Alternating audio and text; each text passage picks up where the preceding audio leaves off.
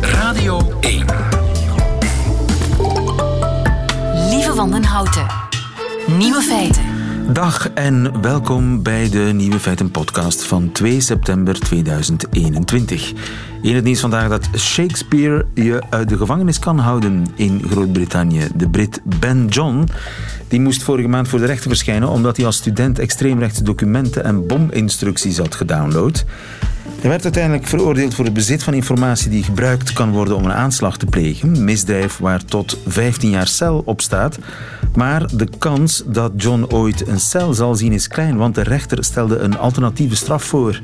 John moet niet naar de gevangenis als hij belooft om Shakespeare en Jane Austen te lezen. Begin met Pride and Prejudice van Jane Austen en Twelfth Night van Shakespeare, oordeelde de rechter. Twelfth Night gaat over een vrouw die zich als man moet verkleden om te kunnen overleven. Om de vier maanden moet John terug naar de rechtbank om examen te doen. Als hij zakt, dan verdwijnt hij voor twee jaar achter de tralies. De aparte straf was volgens de rechter gepast omdat John volgens hem een beïnvloedbare eenzaad is die door een puberale dwaasheid een paar fouten heeft begaan. De andere nieuwe feiten vandaag. Zware PFOS-vervuiling in Ronse. Staatsveiligheid mag gebruik maken van de beruchte spionage-app Pegasus. Oesters kunnen Bengaalse eilanden van de ondergang helpen redden. En relatiedeskundige Rika Ponet legt uit dat zwijgen soms goud is. De nieuwe feiten van Nico Dijkshoorn in het Middagjournaal. Veel plezier. Radio 1. Nieuwe feiten. Lieven van den Houten. Geen tomaten uit de eigen tuin op tafel in Ronse nadat een alarmerende hoeveelheid giftige stoffen is aangetroffen in de Molenbeek. Schepen Jan Foulon van Ronse raden omwonenden aan om kinderen binnen te houden. Voor uh, mensen die in de directe omgeving wonen, vragen we om kinderen niet te laten spelen op de oevers van de Molenbeek. Um, ook geen zelfgeteelde uh, kleinvee te consumeren, geen grondwater als drinkwater te gebruiken of geen uh, water uit ondiepe putten te consumeren en ook geen, geen zwembaden of zo te vullen. Dat zijn de belangrijkste tussentijdse adviezen die vanuit OVAM naar voren geschoven worden. En dat zei schepen Foulon van Ronse op Radio 2 Oost-Vlaanderen. Vlaanderen vanmorgen. Professor Tietgat, goedemiddag. Uh, goedemiddag. U bent toxicoloog aan de Universiteit van Leuven. En voor alle duidelijkheid niet betrokken bij het onderzoek in Ronse, want daar heeft OVAM metingen gedaan in het beekwater. En blijkt dat er tot 26 keer meer dan toegelaten hoeveelheden PFOS in het water van de Molenbeek zitten. Nu doe ik niet graag aan horrorjournalistiek, maar dat klinkt erg. Ja, dat is uh, geen goed nieuws. Hè. En dat toont aan dat uh, ja, niet alleen de bekende 3M-fabriek uh, een bron kan zijn, maar dat ook elders in Vlaanderen, omwille van andere industriële activiteiten, er een blootstelling is uh, met gevaar voor het milieu en volksgezondheid. Ja, in dit geval gaat het over textielfabrieken hè, die uh, ja. afval hebben geloosd. En om welke stoffen gaat het in deze, weten we dat? Um, wel, op basis van de metingen weten we toch al iets. Hè. Dus het gaat inderdaad weer over een aantal van deze PFAS moleculen van die grote familie, maar ook uh, stoffen die we kennen als brand- of vlamvertragers. En dat zijn stoffen die ook in tapijten en textiel en in allerlei eindproducten verwerkt worden om te maken dat er, als er een brand is, dat die vertraagd wordt. Nu, wat is de gelijkenis dan met uh, PFAS? Um, die brandvertragers bevatten vooral broom. Hè? En iedereen weet nu wel dat die PFAS-moleculen vooral fluor zijn. En je moet weten dat in de scheikunde fluor en broom, ja, die zitten een beetje in hetzelfde schuifje. En die maken dat ook naar het milieu en de volksgezondheid, dat dat heel moeilijk afbreekbare stoffen zijn en dat we daar toch mee moeten opletten. En hoor ik u nu zeggen dat eigenlijk die stoffen afzonderlijk misschien niet zo afschuwelijk schadelijk zijn, maar het feit dat ze samen zitten, dat het eigenlijk een soort uh, cumulatief effect is? Ja, dus dat is de bezorgdheid. Die cocktail hè, van al deze ja, door de mens gemaakte moleculen, daar is effectief nog geen grondig onderzoek naar gedaan om te weten, ja, als die samen aanwezig zijn, als we die samen opnemen, hoe, hoe gevaarlijk is de situatie dan? Ja, daar hebben we echt het antwoord nog niet op. Zijn die stoffen op een legale wijze in dat beekwater terechtgekomen? Wel, dat is een, ook weer een pertinente vraag, maar een moeilijke voor mij als wetenschapper. Um, ja, als het uh, niet eigenlijk in de lijsten staat van bodembescherming en bodemsanering, van dus het fameuze VLAREBO, hè, dus uh, de, het besluit eigenlijk van de Vlaamse overheid, um, ja, dan kan je zeggen, als die niet in die lijsten komen, dan is dat niet illegaal. Um, wat uiteraard wel sinds vele jaren in die lijsten staan, zijn bijvoorbeeld zware metalen, gechloreerde koolwaterstoffen, de fameuze PAX, pesticiden, cyanide, bepaalde fossiele brandstoffen. Dus er zit al wel gelukkig heel wat in. Maar het zou kunnen dat er inderdaad een aantal klassen eh, van stoffen, denk aan dus die brandvertragers of bepaalde PFAS-achtige moleculen, daar niet in zitten. Ja, en dan kan je juridisch gesproken wel zeggen dat dat ja, niet illegaal is. Ja, dus ze hebben niet uh, expliciet een vergunning om die stoffen te lozen. Alleen staat er nergens dat ze het niet mogen doen. Ja, dat, uh, zo kan je het samenvatten, ja. Ja. En dus dit is de wetgever of de overheid die achterloopt op de wetenschappelijke feiten en ontdekkingen. Um, ja, nee. Je zou kunnen zeggen dat ze vooraleer een vergunning wordt verleend voor te lozen, uh, dat men misschien toch beter een meer gedetailleerde lijst zou moeten opvragen. Dus echt welke stoffen ben je van plan te lozen, in welke concentraties, voor welke duur, en zeker geen eeuwigdurende vergunningen af te leveren. Eeuwigdurende vergunningen bestaan die? Wel, ik verneem toch dat er ja, bepaalde bedrijven voor sommige stoffen uh, geen tijdelijke vergunningen hebben, maar een stilzwijgende, bij manier van spreken, eeuwigdurende vergunning krijgen om iets te lozen. En daar kan je dag, ja, de dag van vandaag toch wel vragen bij stellen. Als blijkt, op basis van ja, vooruitschrijdend inzicht, zoals dat heet, met nieuwe toxicologische gegevens, dat dan bepaalde stoffen toch wel gevaarlijker zijn dan men bijvoorbeeld een paar decennia geleden dacht. Dus daar moet nog eens eh, goed naar gekeken worden, naar die vergunningen. Want anders uh, zal blijken dat ja, Ronse niet het, een alleenstaand geval is. Uh, dat is correct wat u zegt. Hè. Het is niet alleen inderdaad de 3M of textielverwerkende bedrijven. Ik denk ook aan papierverwerkende bedrijven, die bijvoorbeeld karton maken, waar aan de binnenkant ook die uh, vet- en waterafstotende moleculen te vinden zijn. Denk ook aan de brandweerkazernes met blusschuim. Uh, kortom, ja, je gaat dat in heel veel industrietakken toch wel kunnen tegenkomen. Ja, en concreet nu in Ronse, de vervuiling en de hoeveelheid gif die is aangetroffen. We kunnen niet zeggen, je kan daar kanker van krijgen of zo, maar we kunnen ook niet zeggen, het is niet gevaar. We weten het gewoon niet. Ja, wel, acuut is er geen probleem. En dat moeten we toch duidelijk aan de mensen uh, zeggen. Er is geen reden om nu plots hè, morgen te panikeren. Het is ergens een voorzorgsregel.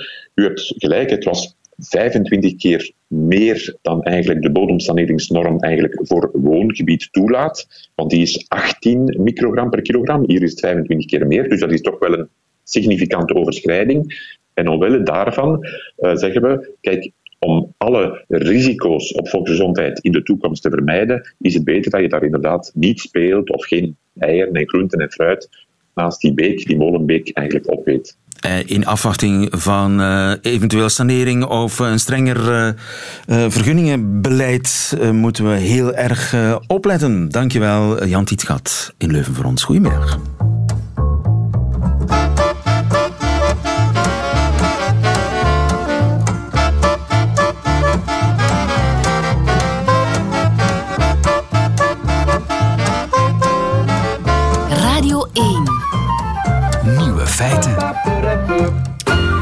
De stijgende zeespiegel die bedreigt heel wat eilanden, zeker in het laaggelegen Bangladesh.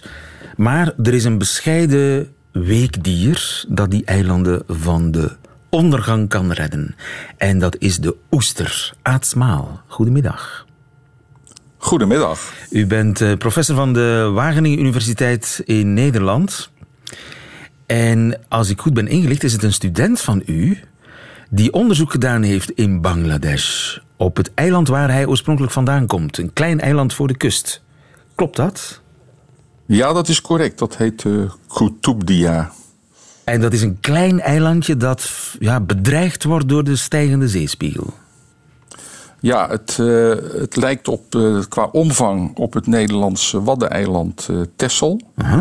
Dat is niet zo erg klein, maar het is natuurlijk wel een beperkt gebied. En met name het zuidelijk deel, dat ligt heel laag. En daar zie je al effecten van de klimaatverandering in termen van stormen en ook zeespiegelstijging. Dus de mensen die daar woonden, die zijn al wat meer opgeschoven naar een iets hoger gelegen gebied. Dus die mensen en zijn al aan het verhuizen, doorgaan. de mensen die daar ja, wonen? Je, je, je ziet eigenlijk al ja, zeg maar klimaatvluchtelingen. Ze zitten nog wel op het eiland, maar ze moeten dan een plek vinden daar waar ook al andere mensen wonen. Dus dat is best lastig. En daar wonen vrij veel mensen op die eilanden.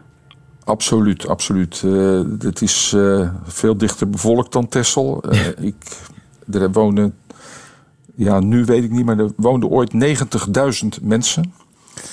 En na een enorme tyfoon in 1996 is dat wel, ja, zijn heel veel slachtoffers gevallen. Dus het is nu wel iets minder, maar het is nog steeds een heel druk bevolkt land sowieso, kust zeker. Ja, het is dus lang niet het enige eiland dat in de problemen komt door klimaatverandering en door kusterosie en stijgende, stijgende zeespiegels. Nu, die student van u is daar onderzoek gaan doen met oesters. Hoezo oesters? Ja, ja dat was dus een promotieonderzoek van uh, Shah Chowdhury. die komt inderdaad uit dat gebied.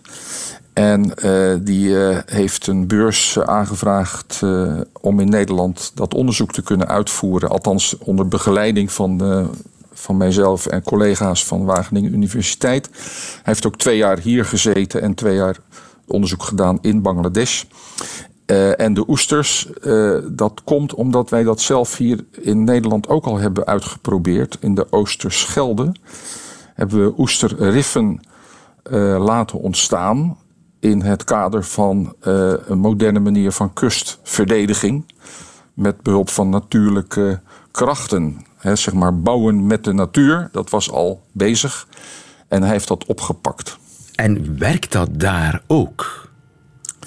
Ja, uh, het was wel een proef, dus de opstelling is niet. Uh, niet gigantisch groot. Heel erg groot. Ja, ja. Nee, want dan, dat kan natuurlijk niet.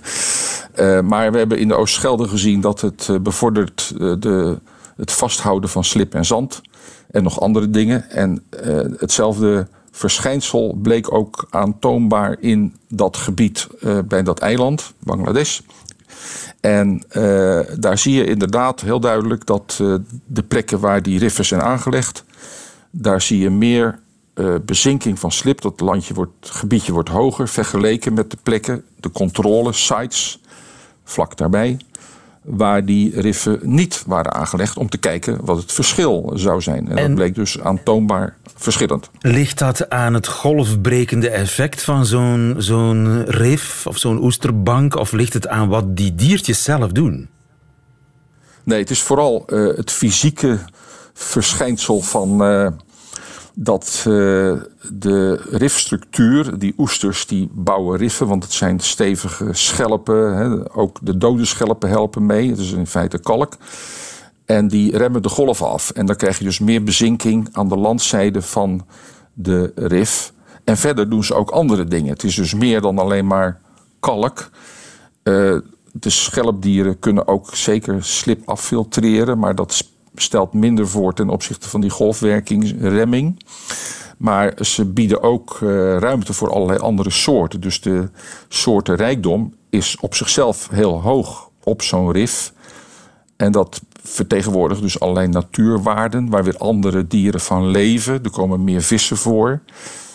Dus het heeft ook nog meerwaarde voor de natuur, maar ook voor het uh, vissen op krabben bijvoorbeeld. De lokale bevolking die was heel blij met dit uh, experiment, want die konden veel makkelijker uh, waardevolle krabben vangen. Dus het zijn meer dan uh, twee vliegen in één klap, het zijn er drie. Minstens. Ja, misschien nog wel. Als je, als je goed gaat tellen, misschien nog meer. want, Kun je die oesters ook nog opeten moment... achteraf? Zeker, zeker. Ja, ja. niet allemaal, want dan hou je niks over. Dus je zou het surplus kunnen oogsten. En daar ook een, voedingsbron uh, aan ontlenen. Naast die krabben. Het is, ik moet erbij zeggen dat uh, dat plan hadden wij ook heel duidelijk in Bangladesh. Maar uh, men is daar helemaal niet gewend om oesters te eten. Ze vinden dat vreselijk. Ze halen een neus dat op is voor de natuurlijk oester. jammer. ja. Nou ja, ik denk dat ze het niet weten. En Het kan nog komen. Kijk, het is wel halal, dus ze mogen het eten. Het is een moslimland. Maar ja, het is een onbekend iets. Dus wij denken dat dat nog wel eens een keer kan veranderen. Ja. Zal het genoeg zijn om dat eilandje van de ondergang te redden?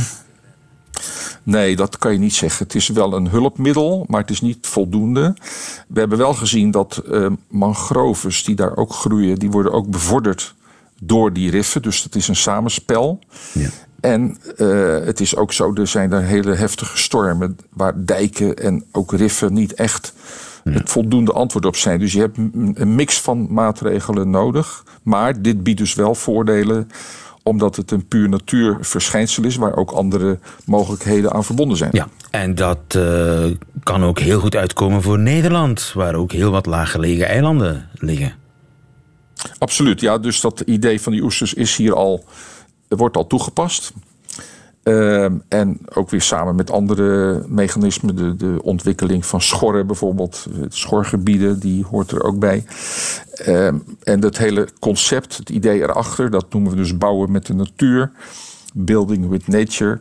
Dat uh, wordt ook in de Verenigde Staten toegepast op allerlei plekken. Ja. Omdat men ziet dat uh, dat een goede manier is van kustverdediging die aansluit bij allerlei natuurwaarden. Leven de oester, dankjewel Aad Goedemiddag. Graag gedaan.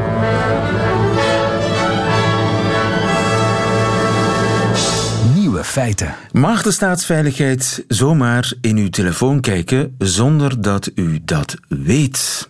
Dat is juridisch en technisch mogelijk, zegt minister van Quickenborne in een schriftelijk antwoord op een vraag van N-VA-Kamerlid Michael Freidig. Lars Bové, goedemiddag. Goedemiddag.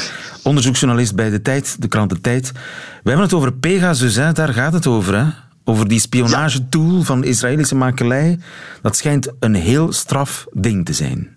Ja, dat is duidelijk. Uh, want eigenlijk wat het doet, is jouw volledige smartphone uh, overnemen. Namelijk, die kan jouw volledige smartphone bespioneren. Dus berichten die jij verstuurt. Het kan uh, de, de meeluisteren met de microfoon, camera zelfs inschakelen. Alles wat je, wat je doet met je smartphone, kan die bespioneren. En zelfs wanneer jij, en wat wij ook doen als journalisten bijvoorbeeld, versleutelde berichten verstuurt, kan die dat ook uh, ja, doorbreken, omdat men gewoon ziet wat jij ziet. Namelijk, jij kunt de berichten ook gewoon dan ontsleutelen en, en lezen. En dan kan men dus volledig uh, meevolgen. Dat gaat meestal met een soort phishing mail, waar ik dan moet op ja klik, per ongeluk, en ik zit, ik zit vast. Wel, dat was vroeger het geval. Dus vroeger effectief moest men jou nog een sms versturen en moest je daar dan ja, argeloos op klikken en was je telefoon besmet en, en kon je dus bespioneerd worden. Intussen is zelfs dat niet meer mogelijk. Je moet nergens op klikken, men moet gewoon jouw gsm-nummer kennen en dan kan jij uh, een doelwit zijn voor deze uh, Pegasus-tool. En ik merk daar zelf niks van. Nee, want um, dus in uh, juli uh, is er dus een, een internationaal perslek geweest van een 50.000-tal telefoonnummers die mogelijk, weliswaar mogelijk, het doelwit zijn geweest van Pegasus-spionage.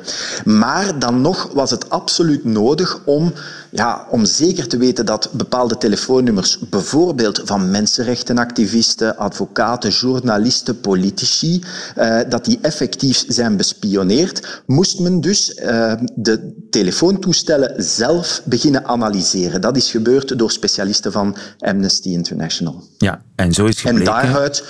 Inderdaad, heeft men slechts uh, een enkele tientallen uh, telefoons kunnen analyseren en heeft men gezien effectief bij een, een twintigtal dat er uh, toch een, een, intrusie was gebeurd, bij anderen ook nog pogingen.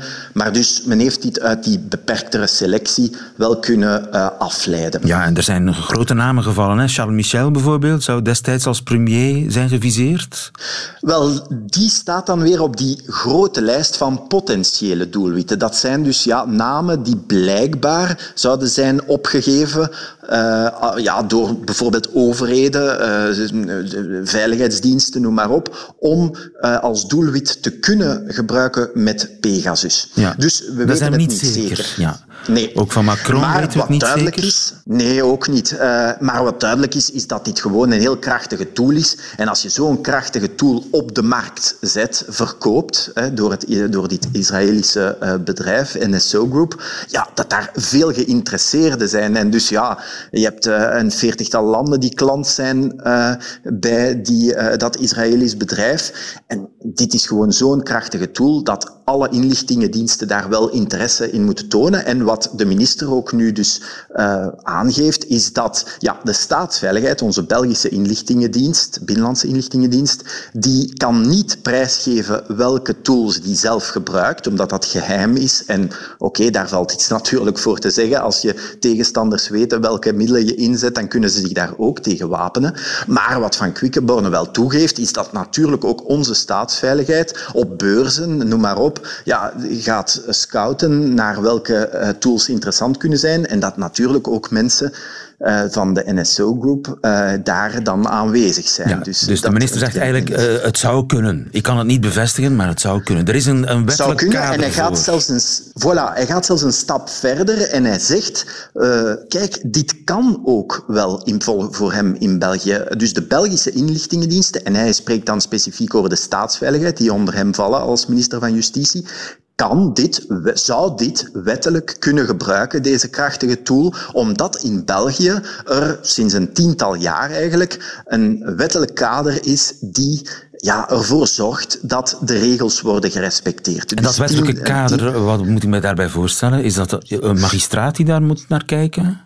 Klopt, ja. Dus eigenlijk, um, heel kort, maar de, de Belgische inlichtingendiensten die hebben nog maar sinds 1998 een wet. Een wet die heel duidelijk bepaalt wat hun opdrachten zijn, de regels enzovoort. Maar pas sinds eind 2010 is er ook een wet gekomen die hen de bevoegdheid geeft om heel vergaande methodes, inlichtingenmethodes toe te passen meest verregaande inbreken in mensen hun huizen zonder dat ze het weten. Hè, zonder dat ze het ooit zullen te weten komen. Inbreken in computernetwerken, telefoongesprekken afluisteren, alles. Eigenlijk bankrekeningen inkijken, noem maar op. Maar wat dat wel uh, de, de voorwaarde is, is dat er, zeker voor de meest indringende methodes, er telkens een commissie is van drie magistraten die daarop moet toezien. En ook achteraf, want soms zijn er nog ontsporingen, uh, kan de, de andere andere toezichthouder, het comité I, dat de inlichtingendiensten controleert, daar ook nog op toezien of er geen ontsporingen zijn. En uiteindelijk kunnen dan ook operaties uh, worden stopgezet. Dus in België hebben wij wel een wettelijk kader uh, om daarmee om te gaan. En ja, dus zegt de minister, dit is, ja, dit is een, een mooie tool, dus dat kan gebruikt worden binnen ja. dit uh, wettelijk kader. En dat is natuurlijk goed nieuws en slecht nieuws tegelijkertijd, hè? want ja, in de strijd tegen terreur kan ik mij voorstellen dat dat heel goed nieuws is, maar ja, het gevaar op misbruik is toch ook gigantisch, hè? Wel, dat is de vraag. Je kan dit vergelijken met eh, een gelijk welk ander wapen dat in handen kan vallen van ja, terroristen of van andere malafide figuren of zelfs van bepaalde regimes in de wereld en op die manier heel ten kwade kan worden ingezet. Bijvoorbeeld om zelfs journalisten te vermoorden, wat blijkbaar bij Pegasus mogelijk is gebeurd uh, in verband met een uh, Saoedische columnist die is gefolterd en vermoord. ja, men zou daarbij ook die tool hebben gebruikt. Er zijn andere voorbeelden. Maar tegelijk ja, heb je natuurlijk diensten zoals de onze, waar we van uitgaan, dankzij dit wettelijk kader, dat zij de regels wel respecteren, dat zij dit soort middelen alleen inzetten voor ja, de echte bedreigingen waar zij ook voor zijn uh, opgericht. Uh, terrorisme, maar ook spionage, inmenging, uh, het verspreiden van heel gevaarlijke wapens. In die strijd mogen zij dit soort krachtige middelen dan uh, ook inzetten. En als het specifiek gaat over journalisten, advocaten en artsen, is er in onze wetgeving zelfs een extra uh, bescherming uh, ja. ingebouwd. Kan ik dat ding kopen, die Pegasus? Dit is een heel gevoelige kwestie, omdat een gevoelige kwestie voor Israël meer bepaalt, omdat er wel degelijk een controle zou gebeuren door de Israëlische minister van Defensie, namelijk wie deze tool mag gebruiken.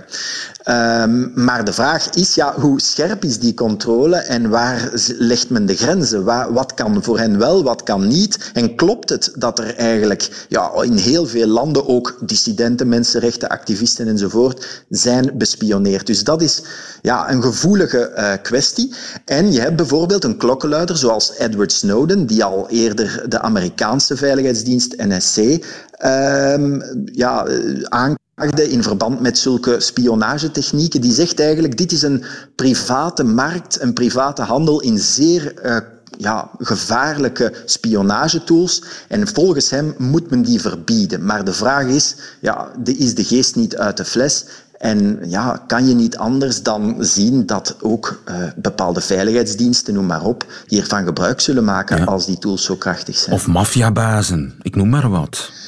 Wel, het, het, is heel pijnlijk, maar er zijn op het eh, internet allerlei tools beschikbaar om mensen te hacken enzovoort en om mensen te bespioneren op het dark web, noem maar op, uh, die toch al beschikbaar zijn ook voor uh, ja, heel malafide figuren. Dus ik vrees ervoor dat dit, ja, die, markt bestaat en die inperken, dat denk ik dat dat ijdele hoop is. Ja, en we mogen hopen dat Pegasus eh, niet in verkeerde handen valt, maar we moeten eigenlijk rekenen op de clementie van Israël en de Israëlische defensie. Die ziet daar in principe naar eigen zeggen op toe. In dit geval is, is dat het geval omdat het hier gaat om een, een Israëlisch bedrijf. Maar eigenlijk op het internet is er nog heel veel beschikbaar. Uh, bijvoorbeeld uh, Chinese hackers die uh, onze eigen bedrijven bespioneren met zulke tools. Er is heel veel beschikbaar. En je voelt dat er een soort van machteloosheid is tegenover ja, dit soort van tools die vrij circuleren. Ja, en dan uh, moet de overheid en uh, moeten de veiligheidsdiensten tenminste met gelijke wapens kunnen strijden. Dat uh, was het antwoord van Van Quickenborne aan Michael Freilich. Dankjewel voor deze toelichting, Lars Bouvet van de Tijd. Goedemiddag. Graag gedaan. Vraag het aan Rika.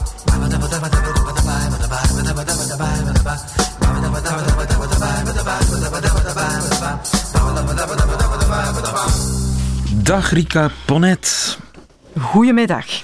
Post voor Rika, vragen voor Rika. Ze blijven welkom bij Nieuwe Feiten. Ines uit Buggenhout schrijft: Beste Rika, al twintig jaar ben ik getrouwd met een fantastische man. We hebben twee geweldige kinderen. Toch voel ik mij zeer aangetrokken tot een collega en de gevoelens zijn wederzijds. Ik heb er met hem al over gepraat en heel duidelijk gezegd dat er niets tussen ons kan gebeuren en dat ik mijn man nooit ga verlaten. Toch heeft het me doen beseffen dat ik niet langer tot mijn eigen man ben aangetrokken. Want als ik aan die collega denk, dan gaat mijn hart sneller kloppen en raak ik bijna buiten adem, schrijft Ines uit Buggenhout. Hoe kan ik de gevoelens voor mijn eigen man weer aanwakkeren? Arme Ines. Ja, uh, heeft zij zichzelf een beetje in nesten gewerkt, hè? Ik denk het wel. De doos van Pandora geopend. Ja, in relatietermen zeker. Omdat zij het aan die collega heeft gezegd opgebiecht. Uitgesproken. Ja, ze zal het ook aangevoeld hebben, hè, dat er van zijn kant interesse was. Maar um, het moment dat je iets zegt, um, wordt het ook concreet. En um, zolang dat dat in jouw fantasie leeft, ook al heb je een heel sterk vermoeden dat het bij de anderen ook zo is. Maar zolang dat dat in jouw geheime kamer blijft, kan je daarover fantaseren, kan dat alle Blijft het heel erg veilig? Maar blijft het heel erg veilig. Van zodra het uitgesproken wordt... Is het er? Is het er. Dat is een boom die in, ja, in de kamer ineens staat en volhangt met sappige kersen. Een verboden vrucht. Een verboden vrucht, ja. Die alleen maar lekkerder en lekkerder er begint uit te zien. Naarmate je elke dag aan die kersen moet passeren, en dat is duidelijk het geval, want ze werkt ermee samen met die man, uh, worden die kersen al maar sappiger en uh, lijken ze al. Had ze maar haar mond gehouden. Inderdaad, ja. Dat is eh, wat wij zo zeggen, het doorbreken van de relatiecirkel. Eigenlijk ben je, ja, je is gehuwd met iemand. Hè. Ze heeft daar exclusiviteit aan beloofd. Dat lijkt mij duidelijk in dit verhaal. Um, maar van zodra je um, ja, een opening creëert naar een tweede relatie, um, is die er ook effectief. Hè? Dat is iets wat je, het is een deur die je geopend hebt. Uh, en ehm, die je heel moeilijk terug dicht krijgt. Dat is ook mijn ervaring. Um, zeker als uh, ja, je die gevoelens gaat voeden door daarover te praten, door die ook regelmatig te zien. En het ook bijna zeggen van um, het grootste probleem lijkt mij nog dat ze gezegd heeft het kan nooit wat worden tussen ons. Want dan maak je van alles wat daar is plots iets heel verbodens en dat, zoals je zegt, dat wordt uh, iets wat super aantrekkelijk is. Ja, het wordt al maar groter, uh, omdat het niet mag, omdat het niet kan. Dus had ze haar mond gehouden, dan was dat misschien wel spontaan. Het gaat weg. altijd voorbij. Het gaat altijd voorbij? Als je het niet beleeft, gaat het altijd voorbij. Ja, mensen geloven dat niet, maar het is echt zo. En iedereen die het meegemaakt heeft, zal het ook bevestigen.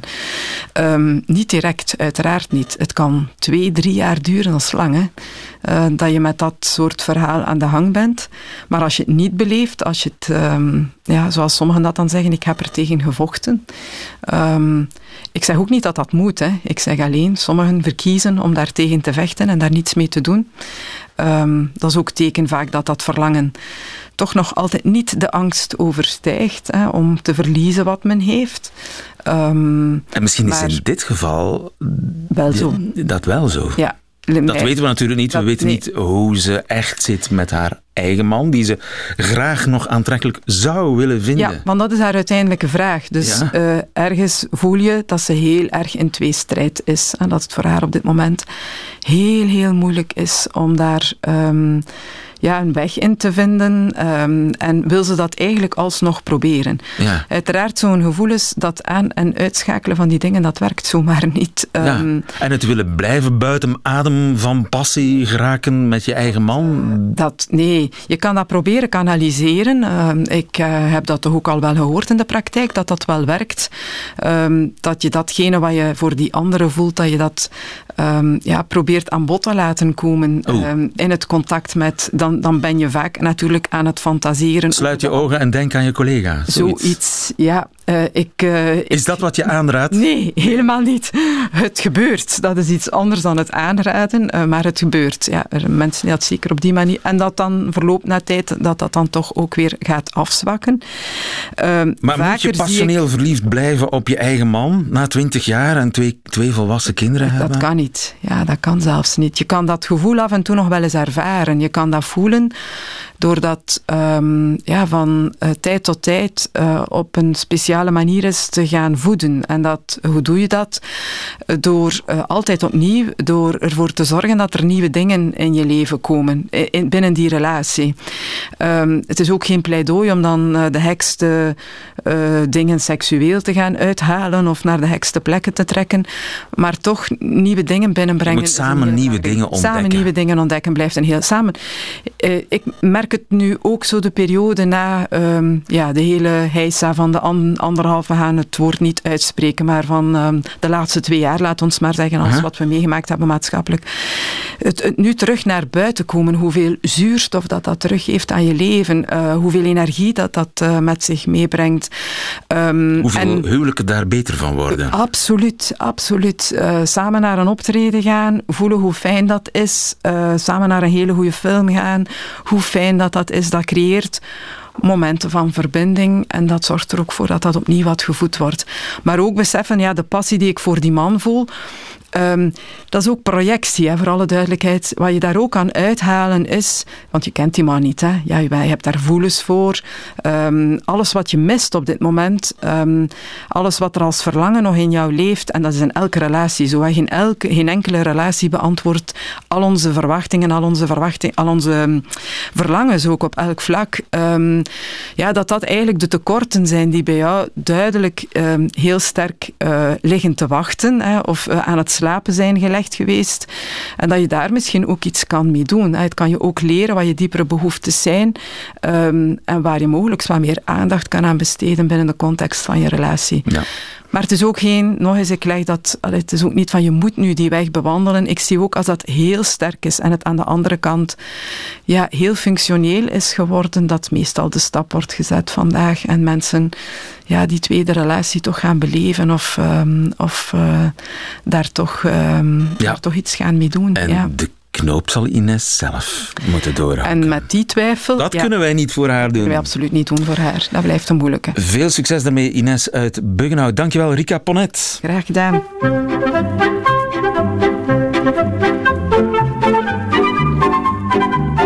Nieuwe feiten. Dat waren ze, de nieuwe feiten van eh, vandaag 2 september 2021. Alleen nog die van Nico Dijkshoorn krijgt u in zijn middagjournaal. Nieuwe feiten. Middagjournaal. Beste luisteraars, twee dagen geleden heb ik een interessant experiment uitgevoerd. Ik ben op hele drukke plekken gaan staan met twee witte halve tandenborsteltjes uit mijn oren en daarna ben ik veel te hard, volkomen verzonnen gesprekken gaan voeren met iemand die ik zogenaamd aan de telefoon had. Dat is namelijk zo'n beetje de norm geworden in het openbaar vervoer, in restaurants en midden in een park, zo hard mogelijk privégesprekken voeren. En dat iedereen om je heen dan mee moet luisteren, of ze nu willen of niet. En het gekke is, luisteraars, niemand protesteerde. Niemand heeft mij gevraagd of het wat zachter kon. Ze zaten gewoon weer allemaal lekker mee te luisteren. En daar leid ik uit af dat we in een onomkeerbare situatie zitten. Dat is vreselijk, want ik heb echt de grens opgezocht. Ik ben midden in een bus gaan staan, in het gangpad, en ik heb de volgende tekst gezegd, met twee witte oortjes in, heel hard. Hoe bedoel je? Hoe bedoel je dan nee? Natuurlijk is dat een hoer. Jij weet dat en ik weet dat. De vrouw van Theo, dat is gewoon een hoer. Hij betaalt haar, dat kan niet anders. En daarna liet ik een stilte vallen en ik deed alsof ik luisterde. Daarna zei ik: Luister nou eens. Moet je horen als een vrouw heel graag een leguaan van anderhalve meter als huisdier wil. En ze danst iedere avond naakt om een pan met rijst. Hoe zou jij haar dan noemen? Nou dan, dan weten we toch genoeg, dan is het gewoon een hoer. Nu ik je toch spreek, hoe gaat het met je kinderen? Allebei nog steeds een lap voor hun oog? En niemand keek op. De tweede heb ik daarom nog iets gekker gemaakt. Ik ben midden in een winkel gaan staan waar ze vegan ijs verkochten. En daar ging ik alweer. Ja, hallo. Ja, met mij. Moet jij eens raden waar ik nu sta? Nee, nee, nee, ook niet. Ik sta in een winkel waar ze geen vlees door hun ijs doen. Leuk, hè? Ja. Ik kijk nu naar de smaken die ze hebben en ik kan gewoon niet kiezen. Welke smaken ze hebben? Wacht even, ik kijk even. Broccoli-ijs met stukjes koriander. En even kijken, andere bak. Andijvie-ijs met jus van koolraap. Moet ik nog doorgaan? Ik ga ophangen. Ik ben aan de beurt. Doei. Mijn laatste gesprek, luisteraars, maakte ik iets intiemer. Fluisterend bijna. Midden in een platenwinkel. Ik zei: Ja. Ja, hallo met mij. Ze hebben hier die plaat waar wij voor het eerst op kusten met onze monden op elkaar.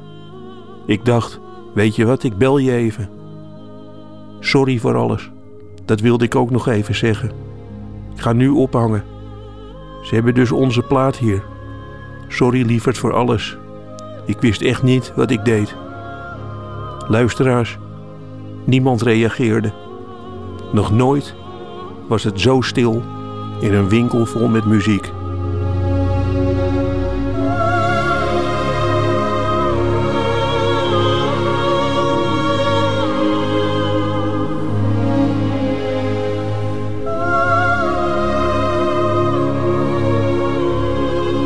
Perfect tv-format als je het mij vraagt. Nico Dijkshoorn in het Middagjournaal. Einde van deze podcast. Hoort u liever de volledige nieuwe feiten. Dat wil zeggen met de muziek erbij. Dat kan natuurlijk via onze site of via onze app. En daar vindt u nog veel meer fijne podcasts. Overigens, tot een volgende keer.